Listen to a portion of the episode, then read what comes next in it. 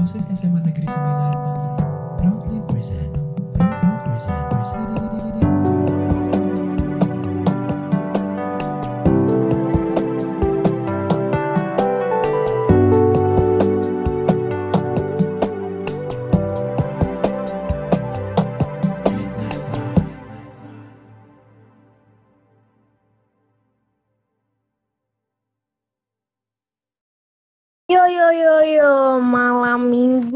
Candu. Sudah lama tidak bertemu, mengakibatkan kita menabung rindu.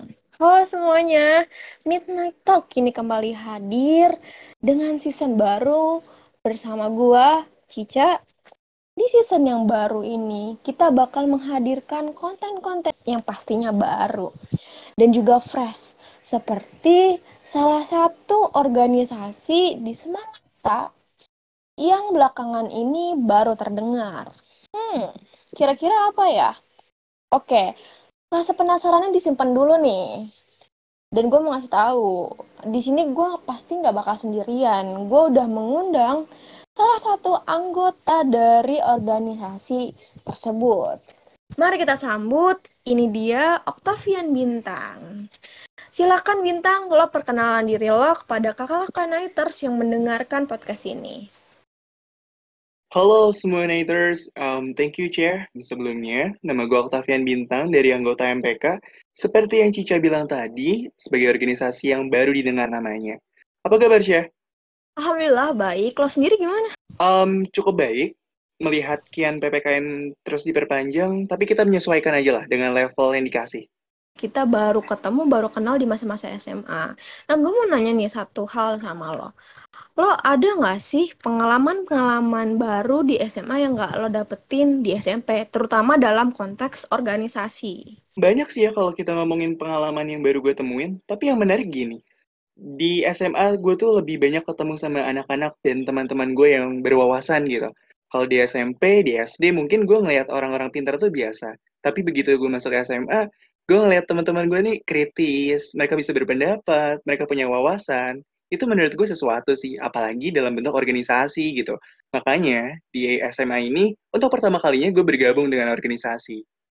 Wow, keren sekali. Berarti SMA ini lo punya pengalaman, pengalaman baru gitu ya. Nah, yang tadi lo bilang nih, lo mencoba hal baru di dalam organisasi. Apa sih organisasi yang lo ikutin gitu? Um, waktu pertama kali gue berpikir untuk akhirnya, wah ini sepertinya waktu yang tepat untuk gue bergabung dengan organisasi. Karena gue itu tipikal orang yang melihat pendapat dengan resikonya, Cah. Jadi gue berusaha untuk mengkritisi apa pun yang gue lihat gitu. Semisal Oh. pendapatnya benar pun, gue akan mencoba untuk melihat itu resikonya ada nggak ya gitu. Kira-kira seperti itu. Itu sih yang bikin gue kayak, kayaknya kalau gue masuk MPK oke nih gitu. Oke, sebelum itu gue pengen tanya sih nih, pengen tanya nih sama lo nih. MPK itu apa sih kepanjangan MPK? Mungkin kakak-kakak Nighters yang saat ini mendengarkan kita berbincang-bincang mungkin juga nggak tahu apa itu MPK. Dan literally ini kan MPK juga di Semanlanti itu baru terdengar ya belakangan ini. betul betul. Sebagai organisasi yang mungkin umurnya baru setahun ke belakang, bahkan belum resmi ulang tahun gitu. Um, MPK itu kan sebenarnya bentuk majelis permusyawaratan kelas, di mana memang kita ini dibentuk untuk mengumpulkan aspirasi-aspirasi dari teman-teman kelas nih. Kita juga berusaha untuk mengawasi kinerja OSIS, membantu hingga mengevaluasi sekiranya pelaksanaan ini bisa nggak sih MPK bisa lebih ikut andil, jadi OSIS tidak bekerja sendiri, Ca. Pernyataan lo tadi nih mengenai aspirasi. Kok gue ngerasa kalian ini mengumpulin aspirasi atau hanya ilusi? Um, mungkin gini ya, sebagai bentuk organisasi yang baru, gue memaklumi bahwa teman-teman gue juga mungkin ada yang masih belum bisa berpendapat, entah itu takut, entah mungkin mereka belum memahami konteksnya, atau mungkin kesimpangan antara kewajiban dan hak dari MPK dan OSIS yang sekiranya mereka belum jelas gitu. Jadi memang bentuk evaluasi, bentuk kritisi kita, bentuk bagaimana kita menyampaikan aspirasi kelas, itu belum terlihat secara jelas mungkin. Tapi gue berharap ke depannya bisa lebih diperbaiki lagi. Salah satu bentuk tujuan gue dan harapan gue ketika gue memilih MPK adalah ketika gue melihat Em, sekiranya ada acara yang dibentuk oleh OSIS, lalu teman-teman kelas gue ini kayaknya bisa lebih bagus deh kalau begini. Nah, gue tuh pingin ada untuk bisa menyuarakan hal-hal seperti itu gitu. Jadi kayak ketika acara itu berlangsung, itu sudah menjadi bentuk keinginan dari teman-teman, dari warga sekolah, dan juga evaluasi dari guru-guru sekitar mungkin. Berarti dengan mengikuti MPK kalian juga ingin bantu berpendapat gitu. Betul? Betul, betul. Tapi kok nggak ada yang berpendapat? Itu mungkin jadi poin yang lucu ya ketika akhirnya memilih organisasi di mana di organisasi itu kita diminta untuk berpendapat, kita diminta untuk kritis, dan kita diminta untuk mengevaluasi apa yang dikerjakan oleh OSIS. Cuman gue memaklumi sih, Cak. Ini lebih ke arah renggangnya komunikasi karena bagaimana kita mencoba untuk menyatukan semua pendapat di organisasi baru tuh agak sulit menurut gue. Ketika lo misalnya melihat teman lo berbeda pendapat dengan lo, tapi dia akan bilang, kayaknya pendapat lo memang lebih bagus deh. Di situ dia akan stop dan tidak akan menyuarakan pendapatnya.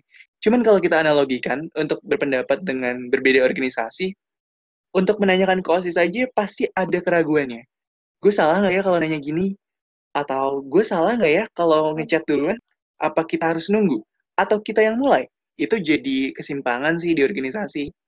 Berarti itu adalah sebuah faktor yang memang eh, jadi sebuah faktor buruk yang bisa mengakibatkan suatu organisasi itu tidak bisa bekerja gitu. Betul? Um, setuju, setuju. Tapi hal-hal kayak gitu bisa diminimalisir, Cak. Gimana menurut lo? Kalau lo punya referensi nggak? Ya, meminimalisir ketika kita sudah menentukan jalan kita, ketika sudah memilih masuk ke suatu organisasi, mau tidak mau, uh, suka tidak suka, kita harus memberikan yang terbaik untuk organisasi tersebut, untuk bagaimana cara kita memajukan organisasi tersebut. Menurut lo gimana nih? Um, gue rasa ya setiap orang yang akhirnya terjun ke dunia organisasi, mereka pasti punya rasa ingin menunjukkan apa yang mereka bisa lakuin gitu. Gue rasa setiap orang tuh pasti punya skillnya masing-masing, dan ketika mereka akhirnya menemukan titik percaya dirinya, apalagi di organisasi baru seperti MPK, akhirnya potensi terbaiknya bisa keluar, Cia. Jadi menurut gue harus punya um, arah di mana mereka akhirnya bisa membentuk suatu project yang bikin anak-anak itu bisa mengeluarkan potensi terbaiknya. Oke, Bintang. Tadi kita udah bahas tuh, apa sih MPK itu? Sekarang gue mau nanya nih sama lo. Selama satu tahun belakangan ini, apa sih yang MPK lakukan? Karena konon katanya, MPK ini adalah organisasi yang goib. Waduh. gue tuh gak jarang ya denger teman-teman gue yang mungkin um, teman kelas atau dia anak klasis, dia sering kali gue dapat pertanyaan, MPK tuh ngapain sih? MPK kelihatan pekerjaannya, MPK mungkin terlihat seperti organisasi yang abu-abu gitu. Apa pun itu, gue menganggap itu sebagai bentuk kritik sebagai organisasi baru untuk bisa menjadi motivasi ke depannya gitu. Bahkan gue rasa itu perlu. Cuman gini, apa sih sebenarnya MPK itu? Apa sih yang dikerjain MPK setahun ke belakang gitu? Memang organisasi ini kan dibentuk untuk menggabungkan aspirasi siswa dan siswi SMN 9 Tangerang. Oke, bentar-bentar Bintang. Katanya mengumpulkan aspirasi, tapi kok yang didapat ilusi? Um, justru dari bentuk ilusi-ilusi itu kita belajar bahwa sebenarnya kita tuh harus lebih memperlihatkan kinerja kita dalam bentuk bersuara, pendapat, referensi ide, evaluasi. Gue percaya bahwa MPK itu punya potensi ke depannya. Kita hanya perlu lebih kritis kita harus lebih mengembangkan komunikasi. Kembali lagi ke pertanyaan lo, apa sih sebenarnya yang kita kerjain? Um, gue akan jelasin beberapa program kerja dari MPK. Salah satunya adalah Mangga. Mangga itu adalah menggabungkan gagasan. Kami mencoba menggabungkan gagasan dari teman-teman siswa-siswi kelas, atau mungkin referensi dari guru, kritik dari teman-teman. Kami mencoba mengevaluasi apa sebenarnya yang diinginin sama warga Selanta sih sebenarnya yang dikerjain sama OSIS dan MPK ini sesuai dengan visi misi sekolah nggak sih? Kami mencoba melihat perspektif itu di sana. Lalu, mencoba mengadaptasi Aslantik, mencoba membentuk tingkat kesadaran yang lebih bagi teman-teman kita nih. Cak, lu tahu kan, kalau sampah plastik itu sudah jadi bentuk yang bisa membahayakan lingkungan kita? Tahu dong, bahaya pakai banget banget, literally banget banget. Betul. Bahkan bahkan Bahkan, beberapa restoran besar itu mulai mengupayakan supaya tidak menggunakan plastik lagi. Mulai dari sedotan, kemasan, dan lain-lain. Makanya kami mencoba mengadaptasi itu ke dalam bentuk Instagram. Kami mungkin belum bisa mempraktekkan itu di sekolah karena pandemi, tapi kami mencoba mereferensikan cara-cara kita untuk sadar akan hal itu. Lalu apa lagi sih yang kita lakuin? Um, selain Mangga dan Aslantik, kami baru saja menyelesaikan studi banding dengan SMN 15 Tangerang. Nah, Ca, seperti yang gue bilang tadi, studi banding ini jadi point turn back-nya. Gimana kepercayaan diri dari teman-teman gue ini mulai ada dan potensinya mulai kelihatan. Seperti yang gue bilang, ketika organisasi baru dibuat, maka lu perlu memperdayakan kepercayaan diri dari teman-teman ini supaya bisa berpendapat, mereferensikan idenya. Oke, oke, baik. Uh, ternyata nggak seperti yang gue-gue kita pikirkan, Nighters. Ternyata banyak juga ya. Oke, sekarang gue mau nanya sama lo. Menurut lo, kinerja kalian tuh gimana sih? Apakah emang udah udah maksimal seperti ini atau mungkin ya kami jujur, kami juga tidur atau mungkin bagaimana? um, kalau menurut gue ya, secara personal, bagaimana cara kerja kami, sistem pekerjaan, dan mampu tidaknya kami berpendapat, gengsi tidaknya kami untuk meminta pendapat, itu masih belum maksimal. Masih jauh dari kata maksimal dan bahkan masih bisa lebih. Menurut gue, itu masih Mhm. bisa dibentuk dengan sistem yang baru dan juga bagaimana kita mengapresiasi pendapat dari teman-teman. Tentunya bukan cuma dari OSIS kok, tapi dari semua kalangan, warga sekolah, guru, teman-teman kelas. Mereka harus lebih memahami sih, Ca. Apa sih konteks yang harus dikritik dan apa sih yang tidak. Kewajiban dan hak dari teman-teman kita ini harus lebih diperjelas. Jadi ketika mereka berpendapat, mereka tidak takut akan kehilangan um, etikanya. Jadi ketika mereka berpendapat, mereka tidak takut salah. Karena gini, ketika kalian takut salah untuk berpendapat, maka kalian sudah salah saat tidak berpendapat. Karena ketika kalian diminta atau sudah menjadi bagian dari organisasi, kalian akan diminta untuk berpendapat agar bisa menaikkan derajat organisasi ini, gitu. Oke, paham, paham. Gue juga setuju sih sama pendapat lo. Uh, mungkin uh, mereka-mereka atau kalian-kalian itu mungkin berpikir karena takut salah karena belum punya uh, pengalaman yang luas, belum punya pengalaman yang lebih. Makanya di sini kan kita belajar loh ya, belajar untuk mempunyai pengalaman baru. Setuju nggak sih sama pendapat gue? Ketika lo udah ngambil suatu jalan atau organisasi, masuk suatu organisasi, lo harus memberikan yang terbaik untuk organisasi itu. Gimana Bintang? Um, setuju. Dalam arti gini, Cah. Ketika lo sudah memilih organisasi untuk dimulai, maka lo harus menyelesaikan apa yang telah lo mulai. Sejak dari situ, lo akan memiliki rasa sayang, rasa tanggung jawab, rasa kebersamaan. Untuk melihat teman-teman lo mengapresiasi pendapat teman-teman lo, lo harus juga mulai berpendapat, lo harus juga mulai mengapresiasi pendapat mereka, lo harus juga kritis, lo harus mencoba tampil di organisasi itu. Dengan hal-hal kecil kok. Semisal teman lo ngechat di grup, mari jawab dengan, oh iya monggo gitu. Dan nanti lontarkan pendapat lo juga, lontarkan pendapat yang berbeda arahnya. Jadilah sesuatu yang bisa membantu referensi ide dari teman-teman lo. Gitu sih, Ca. Oke, dari pernyataan lo tersebut, apakah organisasi kalian sudah menerapkan hal tersebut? Gue bilang sudah dan sangat. Karena gue melihat ketika akhirnya rapat dan kami bertukar pikiran, berdiskusi, gue sangat melihat banyak potensi anak-anak MPK yang bisa jadi lebih.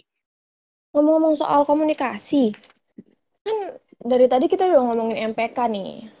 Masalah tentang OSIS nih. OSIS dan MPK itu adalah suatu organisasi yang saling berkesinambungan, saling berkaitan, saling berhubungan. Betul? Um, agree? Tapi kenapa ketika uh, suatu uh, organisasi yang membutuhkan sebuah kesinambungan itu kan berarti kan harus menjaga komunikasi, responsif. Tapi kenapa ada pertanyaan yang mengganjal nih ya? Gue tanyain langsung kalau grup Telegram antara anak OSIS dan anak MPK itu kenapa sepi kayak TPU Tanah Kusir? Waduh, gimana itu Bintang? um, itu jadi poin yang lucu ya menurut gue ketika seharusnya kita banyak berkomunikasi di sana, tapi nyatanya tidak gitu. Bukan tentang enam bulan terakhir atau apa pun itu waktunya, itu bukan jadi parameter lah menurut gue. Tapi gini, Cak, gue punya pendapat yang mungkin bisa jadi referensi. Satu, kenapa sih harus Telegram gitu? Karena ketika ada pilihan WhatsApp dan Telegram, orang akan lebih milih buka WhatsApp dibanding Telegram karena memang mayoritas menggunakan itu gitu. Satu hal lainnya mungkin gue akan bilang gini, gimana sih cara memulai komunikasi dengan OSIS gitu? Itu jadi poin yang menurut gue akhirnya akan jadi turn back ketika kami akhirnya mengerti. Kami dapat referensi kemarin setelah study banding dengan SML 15 Tangerang. Mereka tuh punya seorang box to box. Um, mereka bisa menyelesaikan permasalahan internal untuk mengupayakan pendapat dari MPK dan OSIS ini lancar. Kita bisa lebih baik dalam komunikasi atas dasar kebersamaan sih. Jadi bukan tentang dulu MPK nggak pernah ngomong loh, sekarang baru ngomong gitu. Jadi itu harus dilupakan. Tapi lebih ke arah, mari kita mencoba mengayomi satu sama lain untuk proyek Aslanta ke depannya yang lebih baik. Kalau menurut lo gimana, Cak? Setuju nggak? Kalau menurut gua sih ya tentu saja setuju gitu kan. Kita juga kalau daring pun lebih banyak menggunakan WhatsApp. Tapi tapi bintang pasti kan ada komunikasi di awal. Kita lebih baik komunikasi lewat apa nih? Udah pasti udah dibicarain di awal. Tapi kenapa baru baru merasakan yang sekarang gitu? Kenapa baru merasakan salahnya ketika udah di akhir gitu? Kenapa? Setuju, setuju. Gue sangat setuju soal itu. Dan gue nggak bisa ngebantah bahwa banyak anak-anak MPK juga yang akhirnya punya um, kekurangan motivasi lah untuk membuat sesuatu di organisasi ini. Tapi begini, Cek. Seperti yang gue bilang, ketika lo membentuk organisasi dengan anak-anak yang baru, memberikan tanggung jawab ke mereka, mereka butuh momentum untuk bisa turn back dan akhirnya menemukan kepercayaan diri mereka gitu. Pada dasarnya, sesimpel momentum itu baru didapetin akhir-akhir ini gitu mereka akhirnya baru bisa merasakan bahwa organisasi ini bisa menjadi lebih. Gue akan mencoba menjadi lebih. Bagaimana OSIS dan MPK memulai komunikasi yang baru atas dasar kebersamaan, atas dasar keberkesinambungan, dan juga membutuhkan satu sama lain. Oke, paham, paham, paham. Nih ya, menurut lo, kalau misalkan sistem seperti ini, misalnya, misal, uh, semoga harapan lo yang lo ucapkan tadi, semoga aja terkabul. Tapi kalau misalkan sistem yang seperti ini kalian jalankan, apakah uh, ini bakal efektif untuk ke depannya? Uh, kita ambil peluang negatifnya ada, atau mungkin MPK ini bakal berhenti di tengah jalan, atau mungkin MPK ini bakal konotasi paling buruk itu bubar. Gimana itu? Um, gue nggak setuju ya kalau MPK akan selesai di mana seharusnya kita belum selesai. Karena gini, gue sebagai anggota di MPK bangga bisa masuk ke sini. Gue setuju bahwa MPK belum terlihat kinerjanya, tapi gue tidak setuju bahwa MPK tidak akan punya kompetensi ke depannya. Ketika organisasi baru memulai debutnya dengan anak-anak baru, akan banyak kesalahan teknisi, susahnya komunikasi. Kita merasakan lah bagaimana organisasi ini tidak terlihat seperti organisasi. Tapi bahkan dengan momentum yang gue bilang tadi, satu bulan terakhir gue merasakan kebersamaan yang mungkin gak bisa gue dapetin di pertama kali gue masuk MPK. Organisasi ini sebagai bentuk penjabaran dari organisasi baru yang memang tidak punya pattern gitu. Mau dibawa ke mana nih? gitu. Jadi menurut gue, dengan sistem yang harusnya bisa diperbaikin lagi, ini akan menjadi sesuatu yang bisa lebih baik, apalagi dengan kita bisa bekerja sama dengan OSIS satu sama lain, mungkin kita bisa bikin sesuatu yang lebih epic gak sih? Bisa sih, bisa. Uh, sorry nih, gue pengen pengen tanya sedikit tentang pernyataan atau yang lo kemukakan tadi nih. Menunjukkan potensi di diri kalian. Kalian nunjukin potensi apa? Um, gini, Cak. Seperti yang gue bilang tadi ya, gue tuh sering banget uh, dengar di teman-teman komisi gue, Bin, gue kayaknya nggak cocok deh di komisi ini gitu. Tapi ternyata ketika mereka diberi ruang untuk berpendapat di komisi tersebut dan diberi kepertanggungjawaban, mereka mencoba menunjukkan, oh iya ya ternyata gue bisa desain ya. Oh iya ya ternyata gue bisa menunjukkan kalau ternyata pakai plastik tuh nggak perlu perlu banget loh gitu. Oh ternyata kemarin pas tadi banding gue punya referensi ini nih, gue akan coba ah di periode selanjutnya gitu. Gue melihat teman-teman gue akhirnya menemukan role itu masing-masing gitu mereka mulai menemukan diri mereka bahwa gue bisa ada di MPK gitu. mereka menunjukkan potensinya di komisi masing-masing, mereka juga menunjukkan debut projectnya masing-masing gitu. Ketika kita memilih bagian dari organisasi baru dengan anak-anak baru, kita kan nggak tahu karakteristiknya anak-anak ini. Kita bisa melihat dari apa yang coba mereka sampaikan dari vote gitu. Cuman ketika apakah bentuk pilihan kita salah untuk menaruh mereka di komisi A, B, C, D, mungkin ada salahnya gitu. Nah, itu nggak perlu di-highlight menurut gue. Yang perlu di-highlight adalah bahwa akhirnya anak-anak yang punya potensi ini mengerti apa yang harus mereka lakuin. Ketika mereka mengerti konteks yang mereka sudah kerjakan, maka mereka akan mengerti apa yang harus mereka kritik ke OSIS. Itu yang jadi poin pentingnya, Cah. Gue sih setuju sama pendapat lo tadi. Oke, gue mau nanya satu hal terakhir kalau apa sih harapan lo untuk dua organisasi ini ke depannya? Apalagi ada terlebih lagi dalam komunikasi nih, dalam hal responsif gitu. Apa sih coba boleh disampaikan? Dan juga ketika lo punya uh, mungkin harus diubah nih di sini, di sini, sini, boleh silahkan coba dikemukakan. Um, gue senang banget ya ketika ditanya apa sih referensi sistem baru menurut lo gitu. Pembelajaran satu tahun terakhir, it's enough for me. Lo sudah menemukan potensi lo di mana, lo seharusnya mengerti untuk memilih orang-orang baru nanti siapa sih yang akan cocok masuk MPK. Kita harus berani untuk menanyakan pada OSIS apa sih sebenarnya mereka kerjain dan apa yang harus dikritisi gitu. Kalian harus mengerti apa yang sebenarnya dikerjain sama OSIS dan kalian harus mengerti betul apa yang sebenarnya kalian kerjain gitu. Dalam bentuk pengawasan, dalam bentuk broker, dan lain-lain, ditekankan dalam bentuk keberanian. Bukan cuma dalam bentuk pengawasan aja, tapi harus berani dalam berpendapat. Amin, amin. Semoga harapan lo dan tujuan lo itu semoga terkabul di uh, masa jabatan selanjutnya. Ketika kalian sudah memilih suatu jalan organisasi dan sudah memilih untuk mengikuti organisasi itu, kalian juga harus menyelesaikannya dengan baik di awal ataupun sampai di akhir. Gitu dari gua. Wow, ternyata seru juga ya Bintang kalau berbincang-bincang organisasi seperti ini. Um, ya, gue rasa podcast ini akan jadi bentuk dari awal yang baru bagi OSIS dan MPK. Sudah tidak terasa di ujung acara nih Bintang nih. Aduh, padahal padahal ini masih bisa berlanjut nih perbincangan kita, tapi waktu memutuskan kita lagi. Semoga ke depannya bisa lebih baik untuk kedua belah pihak dan juga uh, untuk kakak-kakak Neters, terima kasih banyak karena sudah mendengarkan podcast ini sampai akhir. Dari gua Cica. Dan gua Octavian Bintang. Mengucapkan terima kasih banyak untuk kakak Neters yang sudah menyimak podcast ini dari awal. See you next episode.